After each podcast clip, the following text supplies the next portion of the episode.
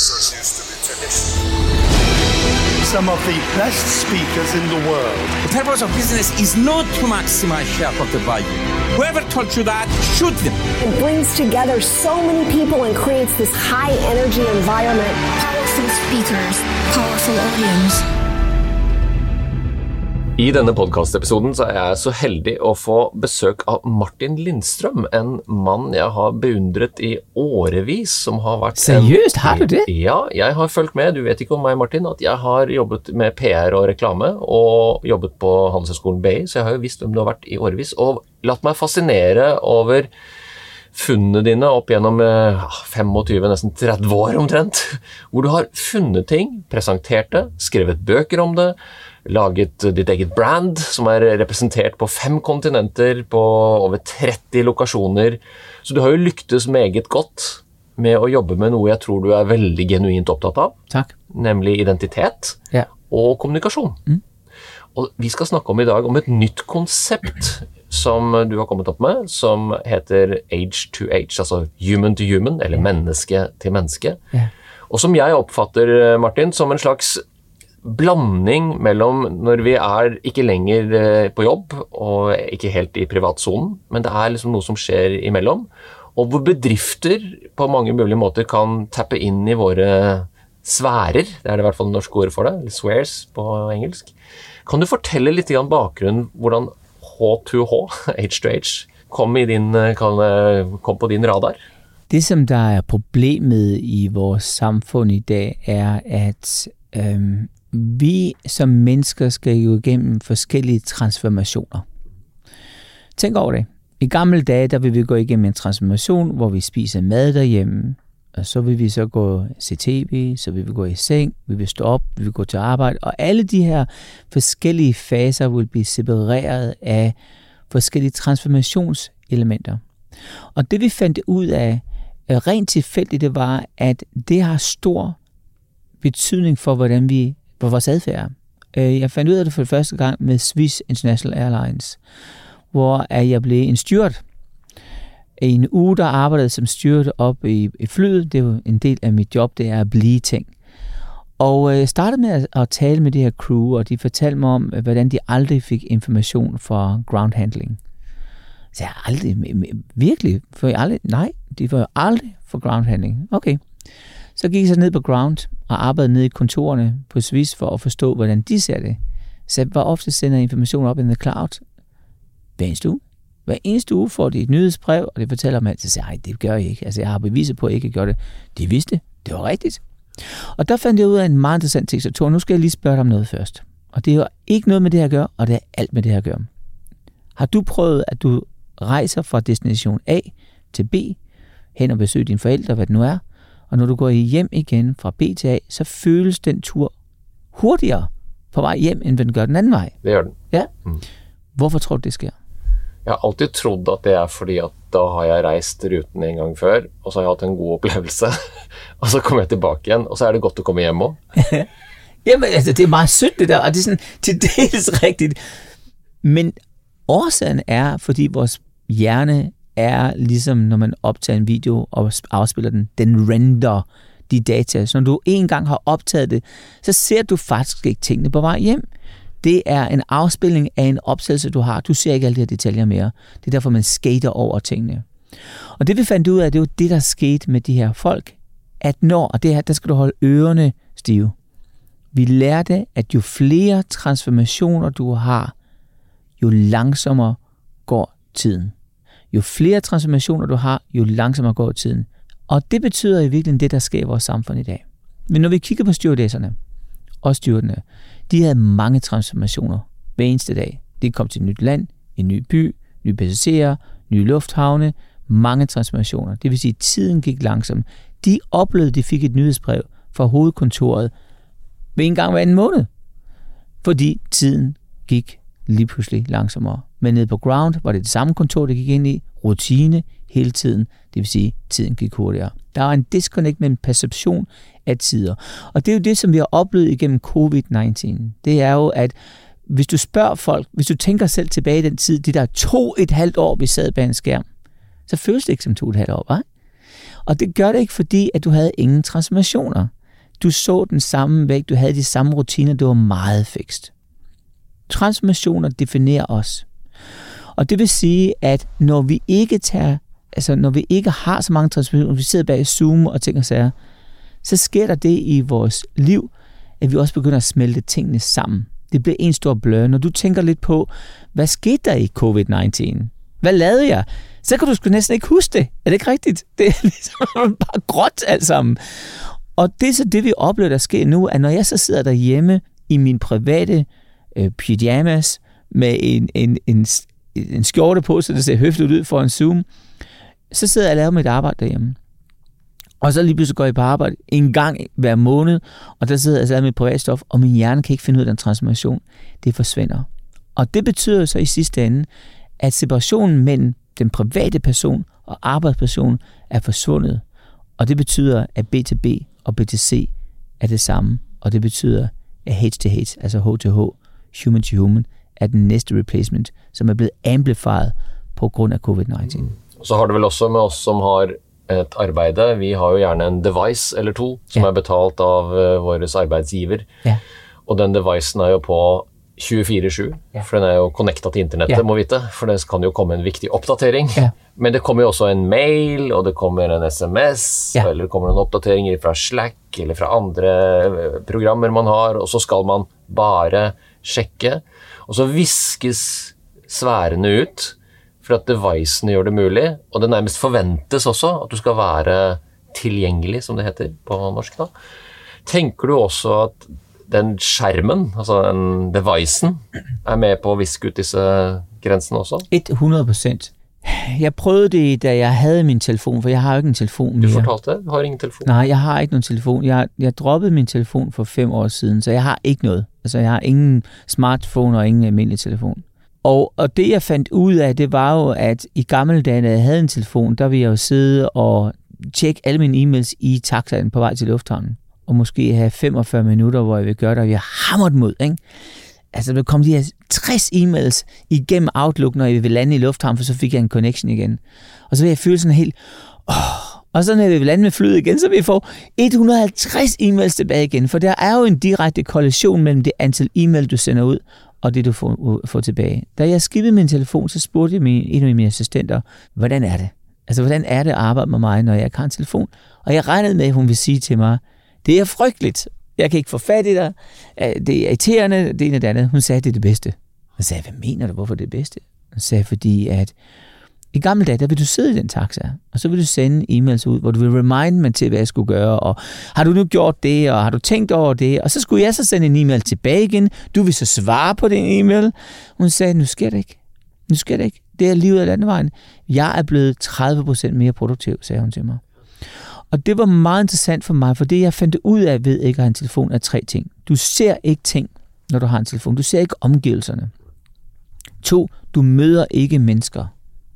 Fordi du putter en skærm op foran dig, når det er sådan, at du står for dig selv og føler dig pinlig.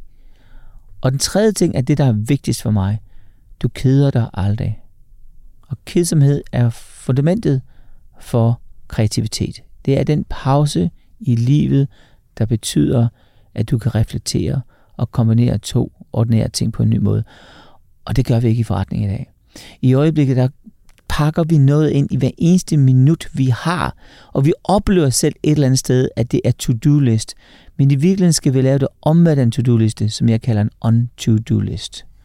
Og en on-to-do-list er lidt det samme, hvor du gør spring clean, forårsklart i dit hjem, og hvor du ligesom siger, hvad for nogle ting, hvad for nogle rutiner etablerede jeg før covid-19, som var rigtige, men det misbrugte min tid. Hvad for nogle nye, irriterende rutiner lavede jeg under covid-19?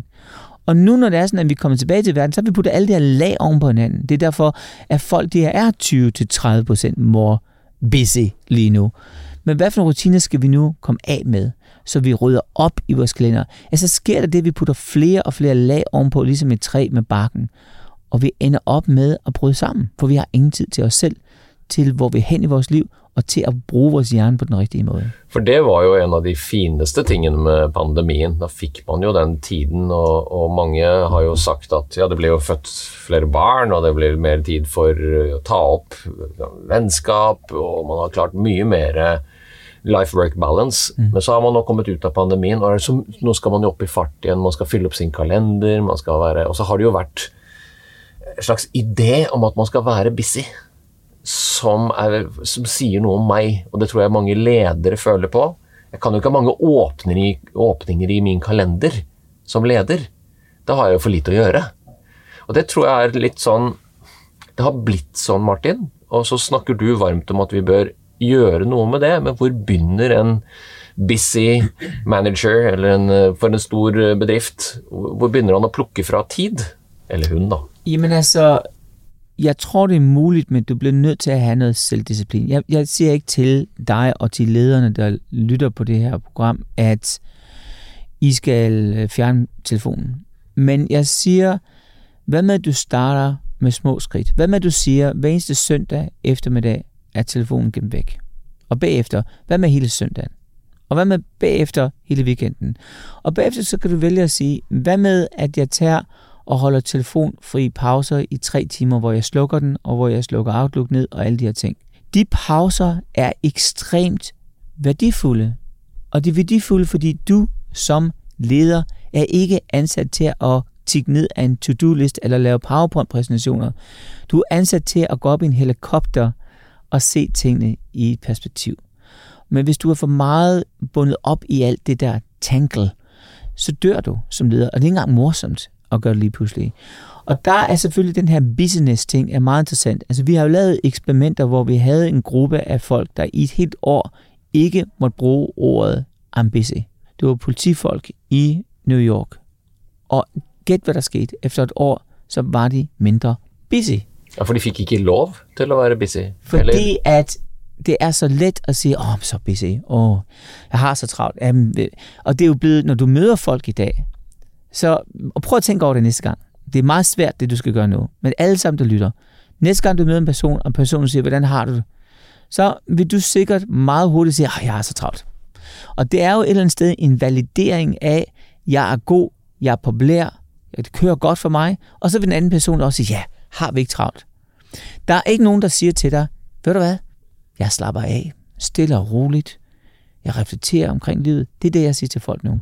Og folk kigger på mig, som om jeg falder ned fra månen. De siger, men er alting okay? Det er netop det, det er. Ikke?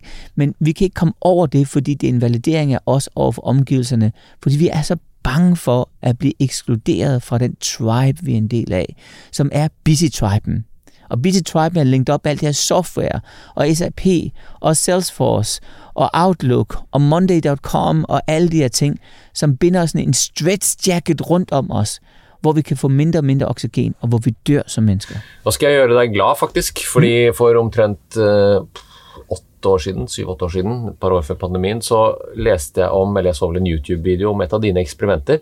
Jeg husker ikke hvilket, men det var et av disse hvor du har dokumentert at du har gått inn i et rom, og så har du testet ut ting, du selv da. Og det tok jeg med meg i mitt arbeide, så jeg gikk inn i møtene, og så hilste jeg, håndhilste jeg på folk, så sa jeg hei, jeg heter Tor. Jeg er mer enn gjennomsnittlig opptatt eh, og glad i jobben min. Altså mer glad i jobben min. Og det som skjedde da, var at de andre i det rommet, de var jo også mer enn gjennomsnittlig glad i jobben sin. Så det skapte, de gangene jeg sa det, så skapte det en sånn litt sånn overraskelse, men en positiv stemning i det rommet.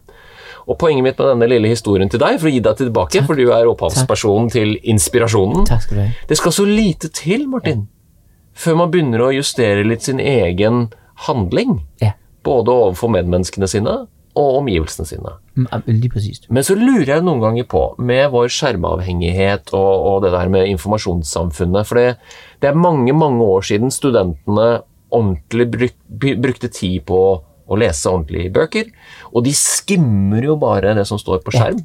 For man, man kommer ikke dypt nok ned, og man blir veldig lett kommer ut av konsentrasjon.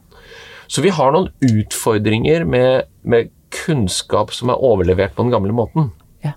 Det, og det tror jeg det nyhetsbrevet Nå vet jeg ikke om Swiss Airlines sendte ut Ja. nyhetsbrevet på e-post, men det er i hvert fall en garanti for at ikke de leser det. For det må liksom én title, én mening, ferdig. Ja, Er ikke det riktig? Det er rigtigt. Men hva, hva, hva bringer framtiden, da, i age-to-age-samfunnet? Jamen, den bliver faktisk bedre, hvis det er, at man vælger at se det som en mulighed. Og muligheden for, for mig er, at vi skal tale meget mere i metaforer. Metafor er ekstremt magtfuldt. Se på Juvals tale øh, her på eventet, hvor han øh, kun talte i metaforer.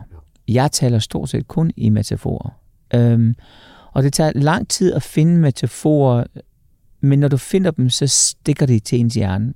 Lad mig lige forklare lidt om det, for det, det er super vigtigt at have i hovedet. En metafor er jo en historie, som allerede har opbygget en form for credibility. Og jeg giver dig et eksempel for mig selv. Jeg købte noget, det er en øh, åndssvag historie, men det giver dig en fornemmelse af det. Jeg købte en Bang Olufsen TV for noget tid siden. Og det var stor, og det var meget, meget dyr. Og det er veldig flotte, da. Og vældig flot. Det er der ingen tvivl. Den kom ud, og det var faktisk i Australien, jeg købte den. Den kom ud i en stor, stor trææske, og der stod det store, flotte tv. Jeg plukkede den ind, og så skulle jeg så tænde den, og der var ikke nogen fjernstyring. Der var ikke nogen fjernstyring. Og jeg var helt ned i den her store trææske og ledte efter, jeg, jeg, jeg ville overalt vide, om de havde tabt den et eller andet sted. Der var ikke nogen fjernstyring. Så jeg ringer til den der forhandler, og han siger, selvfølgelig er der ikke en fjernstyring. Jeg siger, hvad mener du? Den skal du købe separat. Nej. Okay, så blev jeg så hysterisk, så jeg ringede til CEO'en for, for Bang Olufsen, den tidligere CEO. Jeg sagde, så sagde jeg til ham, har du nogensinde prøvet at købe en ny bil? Jeg siger, ja, selvfølgelig har jeg det, Martin. Så siger jeg til ham, har du prøvet, at bilen blev leveret, men der var ikke noget ret i den? Jeg siger, nej, hvorfor siger du det? Så siger jeg, det er jo det, I gør med jeres tv. Og han forstod med det samme, og fjernstyringen kom med i fremtiden. Jeg har fortalt en metafor nu. Jeg tager brand equity for noget helt andet, som en bil med et ret. Men jeg behøver ikke at argumentere, fordi hvis jeg har argumenteret på en anden måde, så har det været en, en, noget med kost, og det har været noget med levering og, og alle mulige undskyldninger. Ja, da har man tabt. Så har man tabt, men jeg har brugt en simpel historie. Den historie kommer du aldrig til at glemme. Den historie glemmer studenterne aldrig, og derfor i fremtiden bliver vores narrativ historier, som er bygget på metaforer. Det er jeg sikker på, at du også gør meget. Og det vil sige, at nyhedsbrevet er metaforer. Det er en lille historie, for de resonerer så meget med os på det, jeg kalder et universelt plan. Både rationelt og, mø- og følsomsmæssigt. Ikke? Er bilder da i nyhedsbreven forstærker, eller kan den også forvirre? For at det krever at bilder som skaper jo masse nye uh, ideer til Altså, du ser jo et bilde annerledes enn det jeg ser det. Ja. Anbefaler du bruk av visuelle hjelpemidler for å forsterke metaforer, Jamen, eller kan du forvirre? Mm, jamen, det er et godt spørgsmål, og svaret er meget, meget simpelt. Alle de touchpoint, du har, kan blive brugt optimalt, men du skal ikke bruge dem bare for at bruge dem. Du skal bruge dem, når det tilfører værdi. Så hvis vi nu tager et billede, jeg kalder det The Snow Landscape Theory. Mm-hmm. Snow Landscape Theory er meget simpel. Hvis jeg viser dig et snelandskab, og så skriver jeg overskriften Snow Landscape, tilfører billedet ingen værdi. For jeg har allerede sagt det. Så det du skal gøre, du skal finde en synergi mellem overskriften og billedet. Og et godt eksempel er på det var faktisk en annonce, jeg så her for nylig for Boeing. Og Boeing, der var der et billede af en nutcracker, en nød, jeg ved ikke, hvad det hedder på dansk. Jeg ved ikke engang, hvad det hedder på dansk. Nøtteknækker. En nøtteknækker, ja, genialt. Ja. En nøtteknækker. Der lå bare en gødekækker med en nød, som der er brækket ind i den. Og så stod der, det var for Boeing, så stod der overskriften, is that how you feel sitting on economy class? Og du vil ikke kunne forstå overskriften uden det der. Du vil ikke forstå billedet uden den. Det er synergien mellem de to ting, der får dig til at huske det. Du glemmer det aldrig. Det er funktionen af et billede. Så et billede skal ikke være et stokfoto fra iShot, stokker og, og shotstokker og alt noget af det der. Det skal være en ting, der tilfører værdi, hvor du ser en ny dimension. Og så er jo utfordringen med nettopp den når vi, Nå snakker vi om metaforer som ledere vet at de må bli bedre på. Altså Dette har man jo hørt nå flere har snakket om i kanskje ti år. Ja. At det å storytelle, det å lede flokken din gjennom de Ja. samme liksom, beskrivelsene, det forstærker jo fællesskabet. ekstremt meget, men, men, men det, der er vigtigt for folk at forstå, det er, når jeg som taler går op på scenen og bagefter har en god tale og evaluerer, hvor meget tid har jeg brugt på at udvikle talen. For eksempel, hvis vi tager den metavers tale, som jeg holdt i Helsinki på Nordic Business Forum her for nylig. Den er i alt øh, 37 slides, og jeg har brugt 37 dage. En dag per slide. Mm. Og den er super simpel. Og så udgangspunktet, det jeg har lært, det er, brug kvalitetstid på at udvikle din narrativ. Forretningsfolk og folk, studenter, tænker, at de kan bare, jamen altså, det er bare en hurtig slide med et billede på. Nej, fordi det, som jeg tænker på, det er, hvordan skaber du en universel historie, vi alle sammen kan relatere til.